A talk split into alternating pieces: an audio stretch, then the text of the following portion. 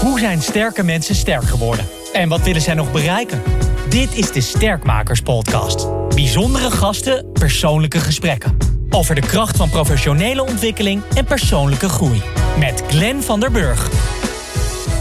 Als je van wielrennen houdt, dan herken je zijn stem uit duizenden. Maarten Ducro is dé analist van de NOS bij de grote koersen. Met zijn ervaring als succesvol wielrenner weet hij precies wat er gebeurt in de koers... en hoe topprestaties geleverd worden. Die ervaring gebruikt hij ook in zijn organisatie Adviesbureau.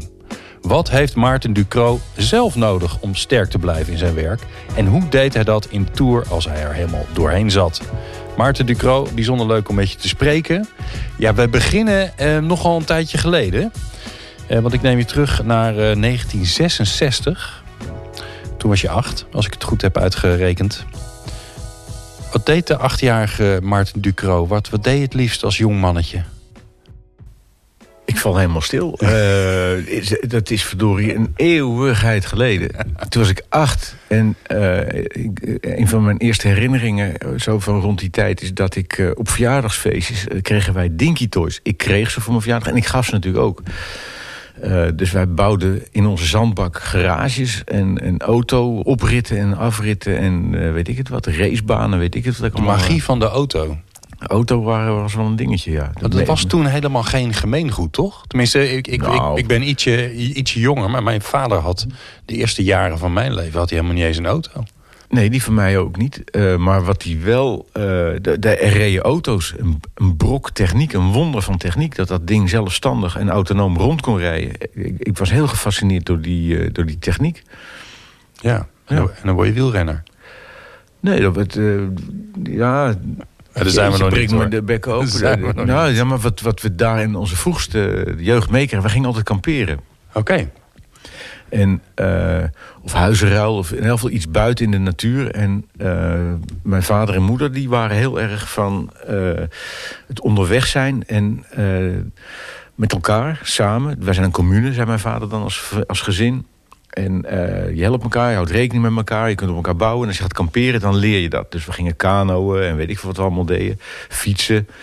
Eh, of zij gingen met de auto op vakantie, maar we hadden vijf kinderen. En ik was de oudste, dus ik moest naar dat, eh, naar dat kampement toe. Naar de plek waar we eh, op vakantie gingen met de fiets. oké. Want En- anders past het niet in de auto. En jij was de grootste van het stel. Ja, en, maar ik wou zelf. Ik kwam zelf met dat soort ideeën. Van, eh, mag ik niet met een vriend eh, dan op de fiets komen? En eh, dan had ik een briefje bij me. Maar dan was ik al ouder dan acht. was ik eh 15, 14. Had ik een briefje bij me. eh, mijn vader heette Fons. Ik, Fons de Croo, geef deze jongen toestemming... eh, om zonder begeleiding door België heen te fietsen naar Limburg. Oh, door, oké. Zelfs dat dus. Ja, want ik had toen nog geen paspoorten en zo voor 14-jarigen. En eh 15 jaar was ik, denk ik. Dus het was heel erg onderweg zijn, zelfstandig zijn... en je verantwoordelijkheid nemen, zelfoplossend vermogen.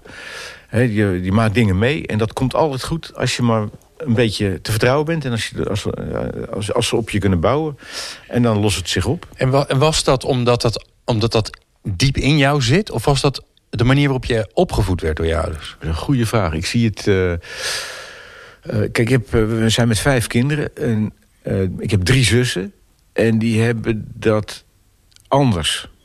Die hebben dat anders. Ik eh, bedoel, ik, kijk, ik spring uit de vliegtuig... en voor ik beneden ben, weet ik hoe de parachute werkt. Ja, Mijn zussen zijn... net op tijd.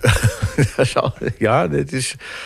eh, ik denk ook wel eens achteraf, denk ik... Jezus, Mina, heb ik nou weer gedaan? Ik heb, eh, wat een stunt is dit nou weer? Maar ik kan op dat moment niet anders dan die sprong wagen. En mijn zussen wagen hem helemaal niet. Maar die zullen nooit...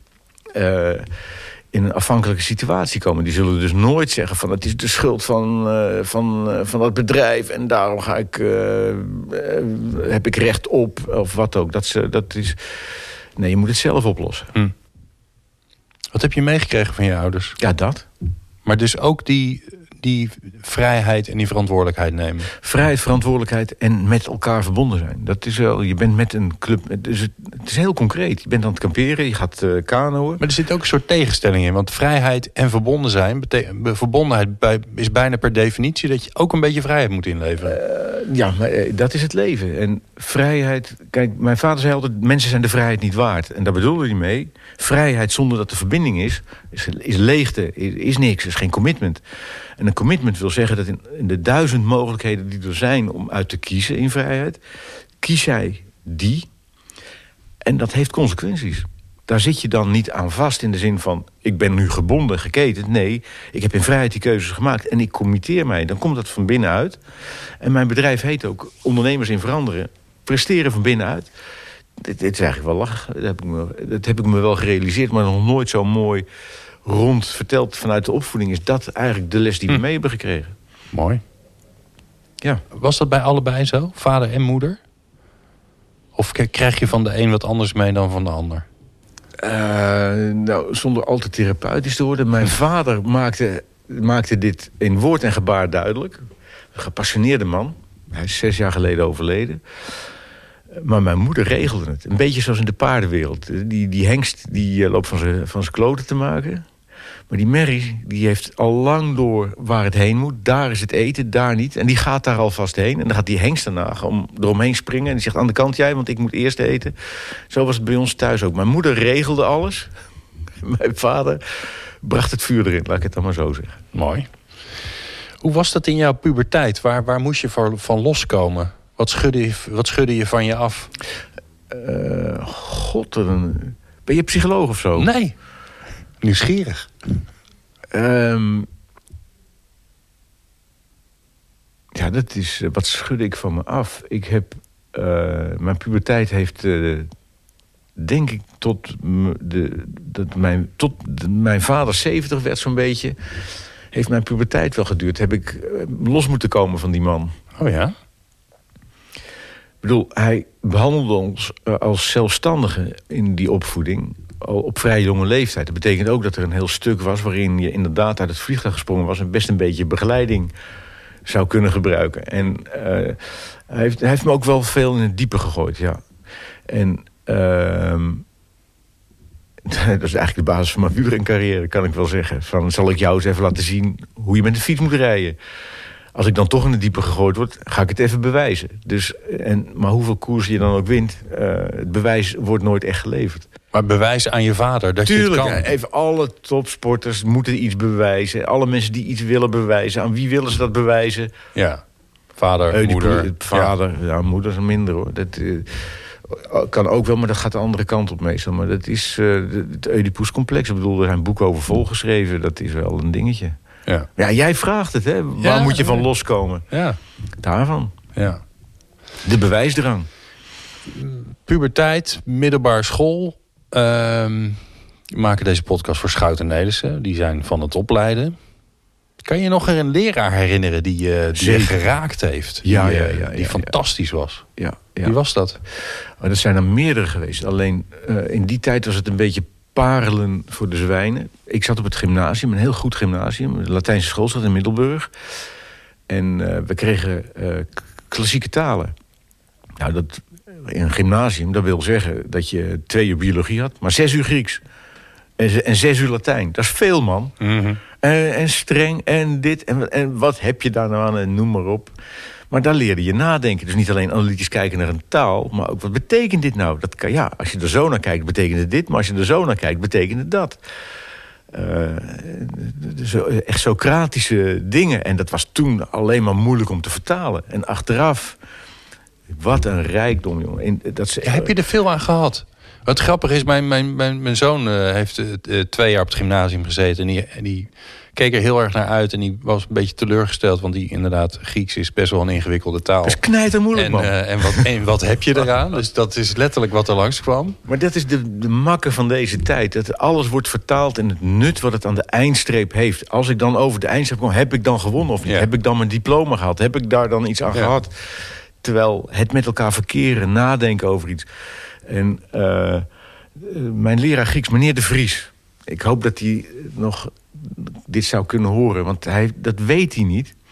Want ik was natuurlijk, ik drukte mijn snor. Ik had allerlei dingen. Ik, ik, deed net genoeg mijn best. Ik was bang genoeg om te zakken. Dat ik net zoiets deed dat ik er een zesje voor haalde.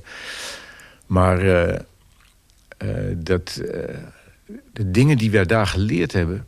Die zijn later pas ingedaald. Die ben ik ook weer in vertaling gaan lezen. En dat heeft me echt Hm. bezig gehouden. En ik, dat, is, dat is daar losgemaakt. En ik zie hem nog staan. eh, dat, So- Socrates had iets, iets gezegd. En Plato die schreef dat op. En dat moesten wij dan vertalen. En, eh, en, eh, en dan kreeg je daar een zin. Die, ik zal hem in zijn vertaling weergeven. dan denk je, waar gaat dit over? Wat een onzin. En dan zei Socrates, als hij aan het discussiëren was... in plaats van dat hij, net zoals nu, zijn mening ging poepen... en een bewering deed die interessanter was dan de bewering van de voorganger... en dan keek je op Twitter, wie heeft de interessantste mening? Ja. Socrates stelde vragen. En dan zei hij dan als volgt, Tide. En Tide, ja, dat eh, ti, iets, de, wat, iets van... Hè? Ja, eh, hoe vertaal je dat dan? Ja, dat ligt er maar aan hoe je ernaar kijkt. Nee, dat is, hoe heb ik het nu? Oh, oké. Hoe heb ik het nu? Welk één woord ontsnapt er nu aan de haag uwer tanden? Ja, dat, iedereen die dit hoort, die zegt... wat een lamlul met zijn klassieke opleiding. Maar om in een gesprek zoiets te durven zeggen... dus er staat er iemand een bewering te doen... en niet zeggen, oh, ik heb veel betere bewering. Maar wat zeg je nu dan eigenlijk? Wat bedoel je daar precies mee? En eh, dat, is, dat heb ik echt daar geleerd. Meneer De Vries heeft mij echt geleerd... want ik zat in mijn woordenboekje... de haag, de heg, de, de heg van uw tanden, van uw tanden, de heg van uw tanden. Wat is dit voor een onzin? En toen ging De Vries ging het uitleggen. Meneer De Vries, fantastisch. En eh, dat, dat was echt, dat deed ertoe. Om, om vragen te kunnen stellen. Ik kan me voorstellen, en ik ben wel benieuwd of jij dat hebt gehad... dat je eh, jaren later, misschien wel tientallen jaren later... dat je iets aan het doen bent, of je bent ergens mee aan het, aan het worstelen... en dat je dan ineens denkt, verhip. Toen dat, wat ik toen geleerd heb... of wat, het, wat, het, wat ik toen niet wilde leren... ik ben het nu aan het gebruiken. Ja, nee, met, eh, Het is wijsheid geworden. Ehm, eh, ik, eh, ik heb lang erover gedaan om los te komen van dat ego en de bewijsdrang tegenover mijn vader. Op zich ook weer een heel leuk verhaal, maar je gaat steeds meer op hem lijken. Ik ben net zo. Eh, meneer De Vries, eh, als hij dit kan horen, ik hoop het. Dat is echt een basis geweest. Zelf nadenken. Eh, dingen hebben verschillende verschijningsvormen. Of, ze, ze verschijnen jou zo, maar als je er omheen loopt en verandert het perspectief, heeft het een heel andere betekenis. Hij liet ons de Antigone vertalen. Dat is een tragedie waarin de vader van een eh, broer en zus doodgaat. En eh, de broer van die vader neemt het roer over, het, eh, de heerschappij. En verbiedt om, om de stad te verlaten. Maar die broer doet het toch, want die moet vechten, weet ik het wat. En die sterft en die ligt daar voor die stad. En Antigone gaat ondanks het verbod toch die jongen begraven. Haar broer. En, eh, en er zitten allerlei aspecten in. De machtsstrijd van die, ah, die koning met zijn voormalige, met zijn broer die overleden is. Eh, de, de, de goede tierenheid van die Antigone naar de broer toe. De ongehoorzaamheid, het overleg daarover. Ja, jongen. En, en toen vond ik het alleen maar moeilijk om te vertalen. Maar één zo'n gebeurtenis, ja, dit is de wet, dit zijn de regels. Ja, nou, dat ligt er maar aan hoe je er naar kijkt. Ja. Waar is het ook alweer om begonnen? Het gaat toch om, broeder, eh, om de liefde voor je broer? Nou, dat, is, dat zijn dingen die we in dit huidige tijdsgewicht... het zelf nadenken, het van verschillende kanten bekijken. Dat Socratische, nou, dat is fantastisch. En dat wisten ze 2000 jaar geleden al. Sterker nog, dat wisten ze niet alleen. Dat beleiden ze. Dat oefenden ze uit. Nou, dat, dat komt daar nu nog maar eens om. Het is echt super lineair aan het worden aan ons leven. Ja. Ja, we kunnen het nu al gebruiken. Hey, laten we eens naar ehm, ehm, eh, het heden gaan, naar het nu. Wanneer voel jij je sterk in je werk? Wanneer, heb je, wanneer, wanneer vliegt tijd voorbij? Wat ben je dan aan het doen? Dan ben ik eh, paarden aan het trainen. Paarden aan het trainen. Ja. Oké. Eh, hoe, zit het met je adviespraktijk? Want dat, was- dat was. de- eh, ik heb dat zitten Ja, zitten ja, googlen. Dat is eh, wat ik lees over je. Ik kom nog geen paarden tegen op internet. Nou, het lijkt er wel heel erg op. Eh, wanneer ik lol heb in eh, adviseren is natuurlijk als ze met je... Als je wat, het is niet van, dat is het lineaire. Mijn adviezen leiden ertoe dat ze dat gaan doen. Nee, je- wat, wat ik altijd geprobeerd heb en waar ik naar gestreefd heb... en ik heb zwaar geconcurreerd met Schouten en Nelissen. Eh, lang geleden inmiddels. Ik heb ook trainingen gegeven en dat soort dingen. Management consultants. En voor je het weet, uh, uh, ben je ehm, een proces aan het afwerken. Van, uh, we doen de onderzoeksfase, dan, dan, gaan we kijken wat we ervan vinden... en dan gaan we een advies opstellen en dan leggen we dat neer. En dan, dus ik zeg, nou, dat leidt tot niks. Dan krijg je tekentafel wielrennen, noem ik dat op tv. Een tekentafel wielrennen verhoudt zich tot het echte wielrennen... tot het echte leven als een koe tot zonde houden. Dat heeft vaak helemaal niks met elkaar te maken. Dat verzinnen we wel, maar dat is niet zo. Kijk maar naar wat er gebeurt. Nou, dat is in de advieswereld ook. Uh, 90% van de projecten die wij verzinnen... komen niet op tijd of twee keer te duur af. Als ze al afkomen. Boekenkasten overvol geschreven. Dus wat gaan we doen? Training en projectmanagement. Nou, wat ik nou leuk vond, is dat ik als ik een situatie kon creëren... waarin ik met die mensen kon optrekken, een tijdje... En een soort interim leidinggevende. Samen doen. Samen doen. Dat wat ik met het kamperen heb meegekregen. Ja. Jongens, uh, we hebben een probleem. Dingen komen niet op tijd af. Uh, welke dingen willen wij dan überhaupt afkrijgen? Ja, moet, alles moet af. Dat kan niet. Dat komt niet af. Dus we hebben niet genoeg tijd. Dus wat is dan het allerbelangrijkste? Nou, dat. Nou, dan gaan we dat afkrijgen. Zo die simpelheid erin brengen. Het versimpelen. Dan moet je het echt begrijpen wat er gebeurt. Anders kan je niet versimpelen. Ja, en zij moeten jou accepteren. Ja, Want je moet het moet wel samen voelen. Ja, ja, ja. Toch? Want anders denken ze, wie is die snuiter? Ja, nee, maar dat, uh, ik heb een, uh, er zijn een paar kwaliteiten die ik heb. Ik kan rottige, ik, ik kan het heel snel simpel maken. Uh, ik heb dan ook een, ik kan eromheen lopen. Ik heb de, de, de, Socratische methode. Ik kan van verschillende kanten dingen bekijken. Ja, ja. En dat helpt heel vaak heel goed om mensen los te krijgen. En ik kan daarbij ook de meest confronterende dingen tegen mensen zeggen... zonder dat ze boos op me worden. En dat heeft me wel altijd geholpen. Dat en dat laatste, hoe komt dat, dat jij dat kan? Omdat ik het doe vanuit nieuwsgierigheid en vanuit uh, mededogen met die mensen. Eh, de, die, wat ik heel opvallend vind in dit tijdgevricht... Uh, is dat mensen echt wel snappen... Hadden in de aanloop hier naartoe hadden we daar een heel gesprek over. Maar dat hebben de mensen natuurlijk niet gehoord. Maar dat, uh, dat we in een tijdgewicht leven waarin grote instituties, onze grootste instituties, dus uh, gezondheidszorg, wat we overheidsmatig regelen, de Rijkswaterstaat, de Belastingdienst, mijn opdrachtgevers eigenlijk, dat die zo groot zijn geworden dat je dat, het, dat het bestaat uit een functiegebouw waarin taken ondergebracht zijn die ingevuld moeten worden door mensen. Dus daarmee is de werkplaats geen vibrerende gemeenplaats meer... waar mensen met elkaar verkeren om te kijken hoe ze het nou weer gaan oplossen vandaag. Nee, daarin moeten ze invullen wat de HRM'ers bedacht hebben. Ik heb nog een tijdje flink uh, optredens kunnen doen bij HRM'ers... om uit te leggen waarom ze in de weg lopen. Jullie maken een invuloefening van een mensenbusiness. En, uh, en dat lineaire, dat, is, uh, dat, is in, dat heb ik meegemaakt... dat dat steeds verder zich verstrakte. Dus als ik een adviesopdracht ging doen... moest ik in één keer met aanbestedingen gaan werken. Uh, die aanbestedingen waren al helemaal... Ik moest bij de stippenlijntjes invullen. Terwijl dat hele omheen lopen, om een vraag heen, een vraagstuk heen... dat is juist onderdeel van het met elkaar tot ja. een oplossing komen... waarin mensen verantwoordelijkheid gaan nemen... omdat ze iets willen in de drek waar ze nu in zitten. Als je dat uit gaat organiseren door te zeggen... we gaan een uitvraag doen en een heel mooi voorbeeld was... de politie had een probleem met de weerbaarheid van de agenten. hebben ze nog steeds, maar toen hadden ze ook een traject... om de weerbaarheid van de politie te vergroten. Ik dacht bij mezelf... de weerbaarheid van een agent vergroten, als dat een probleem is... dat is ongeveer hetzelfde niveau als dat je naar de Tour de France gaat... met renners die niet kunnen balanceren op een fiets. Nee. Of die gewoon niet, geen uithoudingsvermogen hebben. Zoiets. Dus een soort ja. basisvoorwaarde. Dus een license to play. Ja. Uh, als, dat, als daar iets mee aan de hand is, dan is er iets fundamenteels fout. Hoe kan het dat mensen bij de politie dan hun weerbaarheid verliezen?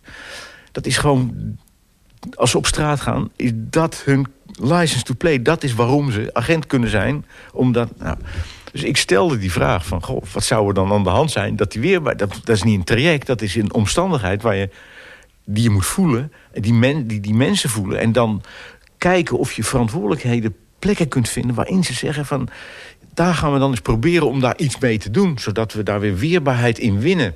Dat is niet een traject wat ik hun aanbied, zodat ze daarna weerbaar zijn. Nee. Dat is iets wat met elkaar ontstaat aldoende.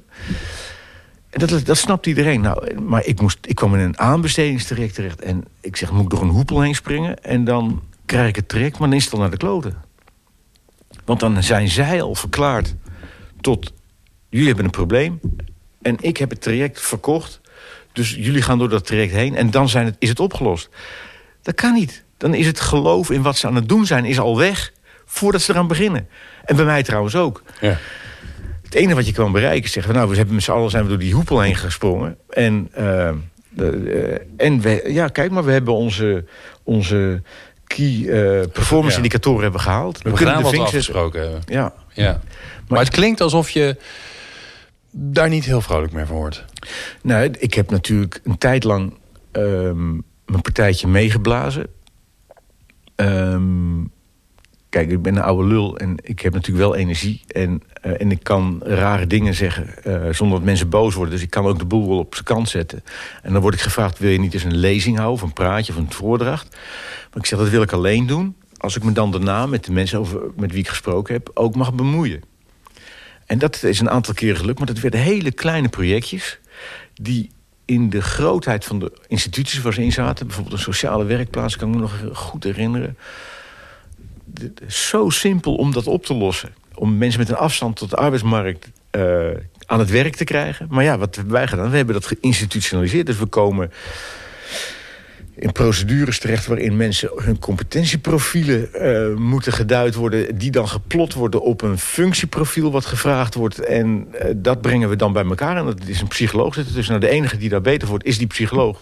Die maakt zijn uren. Ja, die kan er rekening sturen. Maar degene om wie het gaat, die heeft... Die, die, nou, daar heb ik de grootste ongelukken mee gezien. Dus mijn projectjes werden steeds kleiner. Uh, ik mocht er wel over praten... En toen kwam de coronacrisis. En ik denk, uh, en ik was al twintig jaar aan het paardrijden met mijn uh, dochter. En uh, toen dacht ik van, dat vind ik veel leuker. Ik ga eens eens even een pauze nemen. Ja, want jouw eerste antwoord is toen ik vroeg aan je... wanneer voel je je sterk? Dus zei je, als ik paard aan het trainen ben. Nou ja, dat betekent dat als je... Wat ik net beschrijf, is, daar zit al in verborgen waar ik enthousiast van word... is als ik met mensen verkeer die in iets geloven. En ik kan dat begeleiden. Ik leid dat. Dat kan Ja. ik goed. En, uh, en dat vind ik leuk ook. En dan ontstaat er iets. Maar dat, uh, op het moment dat ik dan nu in, in dat grote advieswerk... terechtkom in die, in die mallenmolen van de instituties... heb ik te veel gemerkt dat ik daarin uh, toch niet helemaal tot mijn recht kom... en dat ik er te boos van werd. Ik heb, echt, ik heb echt opdrachten teruggegeven... of mijn opdrachtgevers tegen me in het harnas gejaagd... omdat ik uh, dingen waar, waar mee... word je dan boos op? Uh, niet dat ze niet doen wat ik wil, maar dat ze... Uh, dat, bijvoorbeeld bij die politie... dat, dat ik dan met adviseurs samen... dan toch door zo'n hoepel ga springen. Ik denk van, nou, dat ga ik niet zelf doen met mijn eigen bedrijf. Dus ik meld mij aan bij een grote organisatie... die wel meedoet aan dit soort aanbestedingen. Ja. Nou, je moet het geen poppenkast noemen. Het is, uh, want er zitten ook goede dingen in. Dat betekent dat er met veel mensen gekeken moet worden naar die, naar die toestand. Maar op de een of andere manier je, schuif je dan toch langzamerhand in de richting van die mechanische wereld... waarin er een traject is waarin de weerbaarheid van de politie wordt opgelost. En daarmee krijg je tekentafelwuren en haal je de echte menselijke, het menselijke samen zijn... wat de essentie is van een organisatie, haal je eruit het vertrouwen en het geloof waarmee ze die organisatie aan het bouwen zijn. Die Ja. ondermijn je daarmee. Nou, en daar maak ik me dan druk over. En als ik dan tegen mensen aanloop die dat wel snappen... mensen snappen dit heel snel, maar vervolgens... ja, maar ik doe toch maar dit, want dat staat in mijn functie. om te- Ja, dan word ik hels. En daar heb ik echt tegen mijn opdrachtgever gezegd... eh, op een nette manier... Ja, eh, ik denk dat ik een beetje uit fase ben. Eh, ik vind je ook wel wat laf om maar niet te zeggen, ja, bang, maar ook wel wat laf eigenlijk. Uh, je zit hier voor anderhalve ton plus, je zit mij een opdracht te geven... maar ik ga hem niet doen zo. Ik zou het fijn vinden als we een manier zouden kunnen verzinnen... waarin we... En dat ging bij Rijkswaterstaat, Belastingdienst... ging dat niet gebeuren. En ik denk, ja, dan moet ik mijn grote mond houden. Moet ik het voorbeeld gaan geven. Dus ik wil echt met mensen samen doen. En ik was met die paard. Ik denk, nou doe ik het wel samen. Maar toen bleek, zei mijn paard dat ik toch nog wel wat ego had. Met, waar ik met mijn vader... Uh, dat ik toch wel wilde bewijzen. Ik kennelijk toch het bewijs nodig had dat ik dat goed deed. Eh, Maar jouw paard, die paarden kunnen, in, in, tenminste de paarden die ik ken, behalve Mr. Ed, die kunnen niet praten. Nou. Mr. Ed is uit de, eh, nou ja, die heb jij nog wel meegemaakt, maar dat, ik denk dat jij dat het zelfs voor jouw tijd nee, was. nee, nee. dat Ed, was? de Talking Horse. Ja, toch? Ja. Mr. Ed, to- ja, we gingen het ook op... Famous Mr. Ed. De famous Mr. Ed. Prachtig. Anyway. Maar de, hoe zegt jouw paard tegen jou, Maarten, je zit met je ego eh, te klooien. Dus nou, eh, dan ga je erop zitten en dan zeg je... we gaan nu even springen. Dat is voor een paard best lastig met een vent van 80 kilo op zijn nek springen. En eh, als die vent erop niet helemaal precies weet wat hij doet... en denkt, nou, dat paard zit ik er gewoon voor en ik ram hem eroverheen... dan wordt zo'n paard onzeker. En in plaats van dat ik daarnaar luister, zeg ik... nee, kom, dat kan je wel. Dan gooit je eraf. Dat is vrij Oh. duidelijk, hoor. En niet een beetje eraf, gewoon, we hebben goede paarden. Dus die, en dan, maar die gooien hun kont omhoog en dan ben jij... eh, die gooien vier benen in de lucht en je gaat gewoon af. Paf. En dat doet pijn. Ik heb in geen enkele massavalpartij ooit zoveel ellende gehad... als met de val van een paard. En als ik dan op de grond lig en ik leg dat te kreunen en te creperen... komt hij wel terug. Van, eh, dat was niet helemaal de bedoeling dat hij je komt zo wel zou- kijken dan. Hij komt kijken. Hij is niet zo klaar met je dat hij denkt... Nee, eh, nee, nee, nee, nee. Hij- Hij zegt, ja, sorry, hoor, dat trok ik even niet. Eh, wat bedoelde je precies? Nou, nou, en dan moet je gaan nadenken over... als ik wil dat een paard verantwoordelijkheid neemt... want dat, je kunt een paard niet sturen.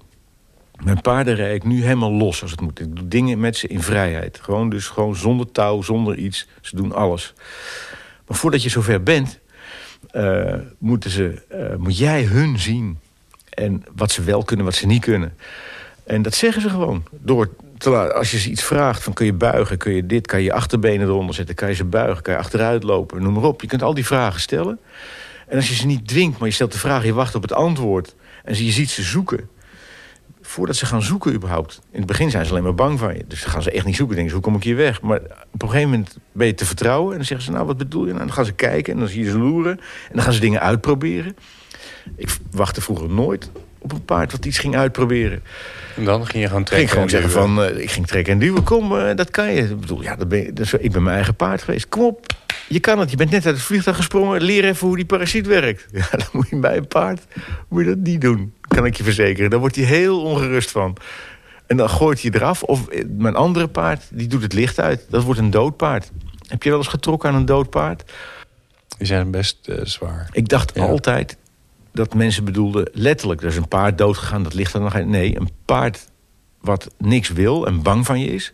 doet het licht uit en gaat daar staan. Ah. Dat is een dood paard. Daar kan je niks mee. Die kan je tegen duwen, die krijg je niet aan de kant nog geen millimeter. Dat is verschrikkelijk. En zelfs met een kanonschot erachter, dan, blijft hij gewoon staan. Zoiets als een ezel, maar dan een paard. Nou ben jij geen eh 25 meer. En je leert dus van jouw paarden... die confronteren jou met je, Ja. met je ego... Ja. Na zoveel jaar. Nou, ho, ho, ho. Op- Ik, twintig jaar geleden. Kijk, mijn vader Ja. heeft me al duidelijk gemaakt... waarom fiets je nou eigenlijk? Van, dat doe ik om mijn vader te laten zien, enzovoort. Dus ik had dat wel door. Maar die Ja, ja. les... eh, ik weet niet of jij gelovig bent... maar de voorzienigheid regelt dan dat je een les net zo vaak ja, krijgt... Totdat je hem eindelijk snapt. ja, je blijft in die lemmiskaat rondjes draaien... totdat je een stapje kan maken. Ex- maar die lemmerskaat is ook voor nodig. Je komt, je komt steeds een stapje verder. Volhouden, volhouden, gewint terrein. Ja, mooi.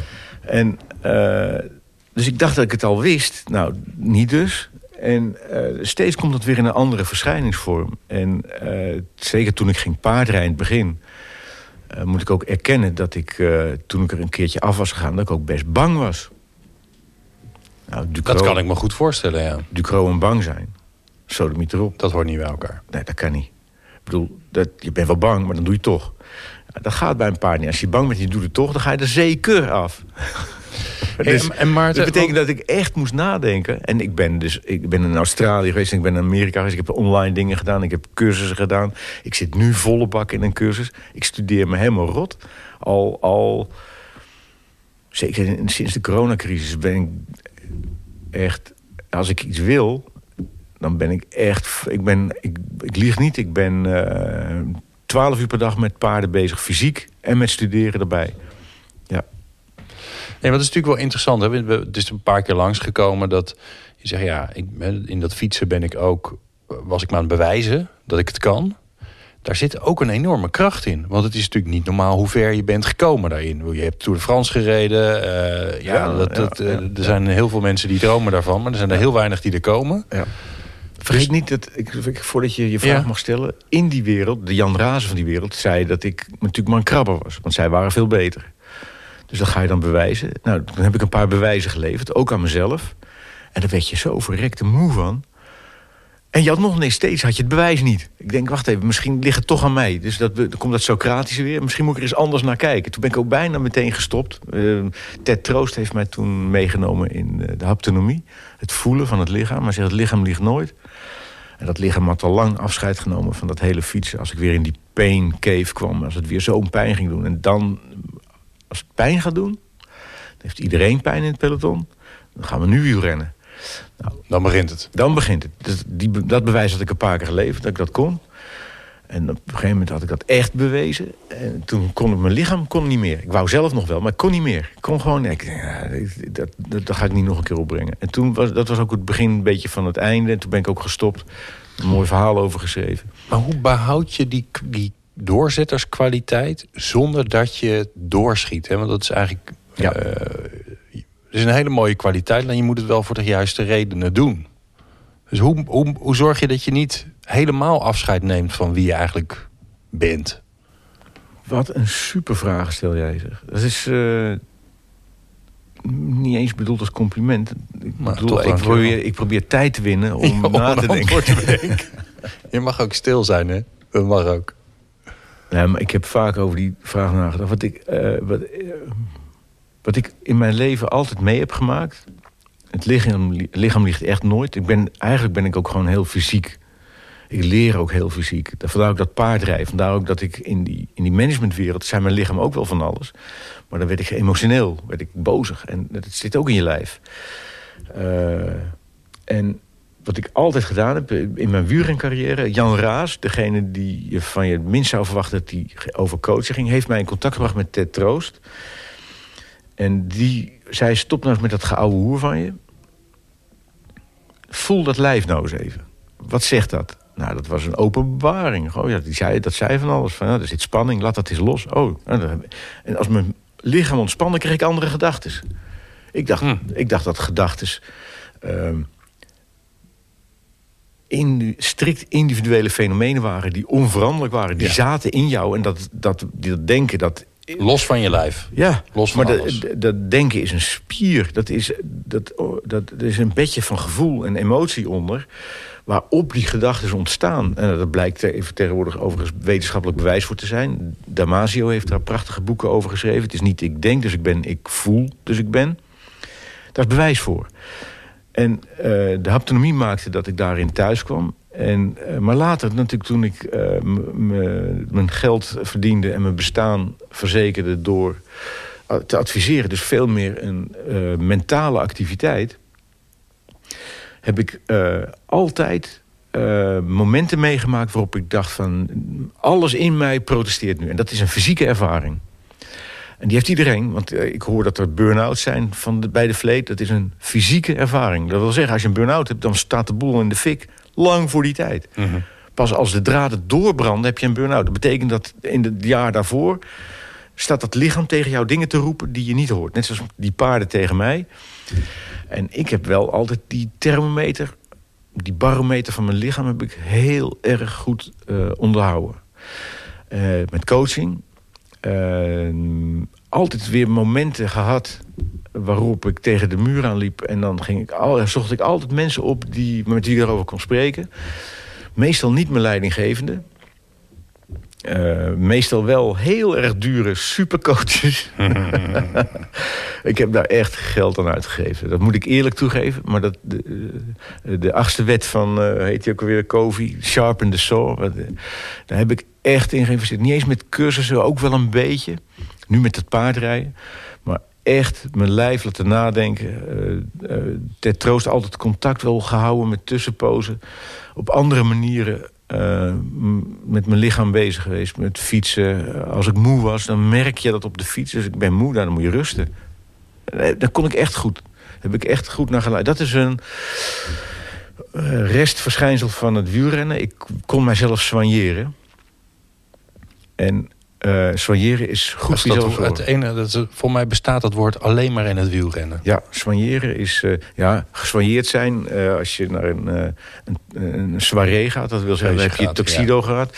Maar wielrennen gaat het over de algehele verzorging. En dan denken de kwaairikken, dan gaat het over dopinggebruik. Nee, het gaat over het algehele welzijn. De hele balans in je materiaal, hoe je erin staat... Of je goed getraind hebt, maar ook het rusten. De, de koers win je in bed, dus je kan vier uur trainen... Uh, elke dag en dan heb je twintig uur om te rusten. Dan moet je dus niet allerlei andere dingen gaan doen. Dan moet je, enzovoort. Soigneren, als een monnik leven, dat doe ik zeker niet. Maar ik, ik weet wel wanneer ik dat niet doe... en welke kostprijs dat uh, met zich meebrengt. Ja. Daar heb ik echt wel altijd over nagedacht. En dat paardrijden, uh, dat is een buitengewoon mentale bezigheid in de voorbereiding. Uh, maar dan moet je eigenlijk ook daar, daar soigneren. Ik kan niet anders zeggen. Het is soigneren. En dat paard zegt het gelijk. Nou, je ziet er uh, nog hartstikke fit uit. Ik je denk dat jij weten. mij uh, nog steeds, maar dat is niet zo heel ingewikkeld, er enorm uitrijdt uh, op de fiets. Um, ik neem je mee naar een, uh, een, een mooie toekomst. Het is je tachtigste verjaardag. Van harte gefeliciteerd. Er is een feestje gegeven. Leuk dat ik mocht komen trouwens. Um, um, al je familie, je vrienden, je bekenden, ze zijn er allemaal. En er wordt gespeecht. Oh je, en wat zeggen ze Wat over? hoop je dat ze over je zeggen? Dan hoop ik dat ze inderdaad zeggen die Ducro die kon wel de boel uh, in gang trekken. En er zat een idee achter en uh, dan zat je er wel eens tegenop te zien. Maar hij heeft wel het vuur aangewakkerd. En uh, mijn vader had er een uitspraak over. Die had hij uit een kanoboek. Een van de manieren waarop wij met de familie onderweg waren. Dat kamperen was met kanoën. En dan zei hij... Gestern is het asje... Morgen is Holz, nur heute brennt das Feuer. En dan tapte hij zo met zijn vinger op tafel. En uh, ik hoop dat de mensen dat zeggen, dat ik, dat, dat ik altijd geprobeerd heb... de mensen mee te nemen in het vuur brandende te houden. Dat is wel een voornaam iets, ja. Mooi. Laatste vraag. Gaat over een vraag. Want vragen zijn, uh, nou ja, dat merken we ook in zo'n gesprekken. Vragen die doen iets, die, die, brengen iets in beweging... die steken het vuur misschien zelfs wel aan. Welke vraag uh, vind jij dat mensen zich zouden moeten stellen... als ze sterker in hun werk willen worden? Dus wat helpt mensen? Uh, het, is, het is eigenlijk een, wat ik geleerd heb met dat paardrijden. En daar hoort, horen een aantal vragen bij. Maar het is dat er een bepaalde progressie uh, in een ontwikkeling zit. Uh, iedereen wordt geboren en iedereen gaat dood. En iedereen maakt tussendoor mee dat hij tanden krijgt... en dat ze er weer uitvallen en dat hij gaat broeken scheidt... en dat hij dat een keer zindelijk wordt. Het is een volstrekt unieke ervaring, maar het proces ligt vast. En... Um, in, in de ontwikkeling in je werk ook. Dus het is ontzettend belangrijk. Uh, het is toevalligerwijs is een van de klussen die ik nog steeds doe... heet sterk in je werk. Dat doe ik voor de mensen in de techniek. Geniaal is dat. Want die, je zou denken, die vragen zich niks af. Die zijn alleen maar aan het, aan het, aan het werken. Want er zijn mensen tekort en techniek is heel belangrijk. Maar de vraag die je zou moeten stellen, die progressie is van... Uh, wat voel ik je nou? Is dit nog steeds wat ik wil? Is dit nog steeds... Uh, vervolgens... Wat wil, ik, wat wil ik dan niet en wat wil ik wel? Dat zit er altijd in. En dan, uh, waar zou ik, dat is eigenlijk de belangrijkste vraag... waar zou ik dat eens kunnen uitproberen? Maar voordat je die vraag kan stellen... moet je natuurlijk wel eerst iets weten wat je mhm. uit zou willen proberen. Maar de vraag stellen, en, en dan kom je van het tekentafelbuur naar het leven... is waar zou ik dat eens kunnen uitproberen? En dat is iets anders dan let's do it. Want dat is, vind ik zo dom. Dat, dat Nike, let's do it. Ja, nee, eerst moet een idee achter zitten. En dan, waar zou ik dat eens kunnen uitproberen? Dat is een supersterke vraag. Ik vond het een bijzonder leuk gesprek. Dankjewel, Maarten Ducro. Bedankt voor het luisteren naar de Sterkmakers podcast. Hopelijk heb je er nieuwe energie van gekregen. Maar echt sterker word je door er iets mee te doen. Dus waar wacht je op? Aan de slag! Meer podcasts vind je op jouw favoriete podcast-app... door te zoeken op de Sterkmakers podcast. Bezoek ook onze website sn.nl slash podcast... voor alle informatie over de Sterkmakers podcast.